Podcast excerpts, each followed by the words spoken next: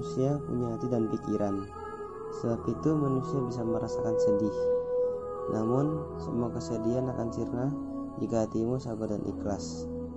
Janganlah pernah berhenti berharap, karena Allah lebih tahu saat yang tepat untuk mengabulkan permintaan hambanya. Sejak kita menginginkan kebahagiaan dan kesuksesan, sejak itu pula kesabaran menjadi kewajiban. Bukan masalah apa yang kau lakukan, tetapi kau harus bertanggung jawab atas apa yang kau ciptakan. Kemampuan merasakan nikmat sabar tergantung sejauh mana keimanan kita terhadap takdir yang Allah tetapkan. Berusahalah sekuat mungkin agar kemudahan dari Allah selalu menyertaimu. Karena Allah telah berjanji akan memberikan ganjaran bagi mereka yang selalu memiliki sifat sabar. Seberat apa pun cobaan yang kamu hadapi, akan terasa ringan jika kamu mengingat dua hal.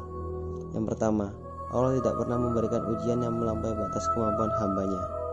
Yang kedua, Allah sangat mencintai orang-orang yang bersabar.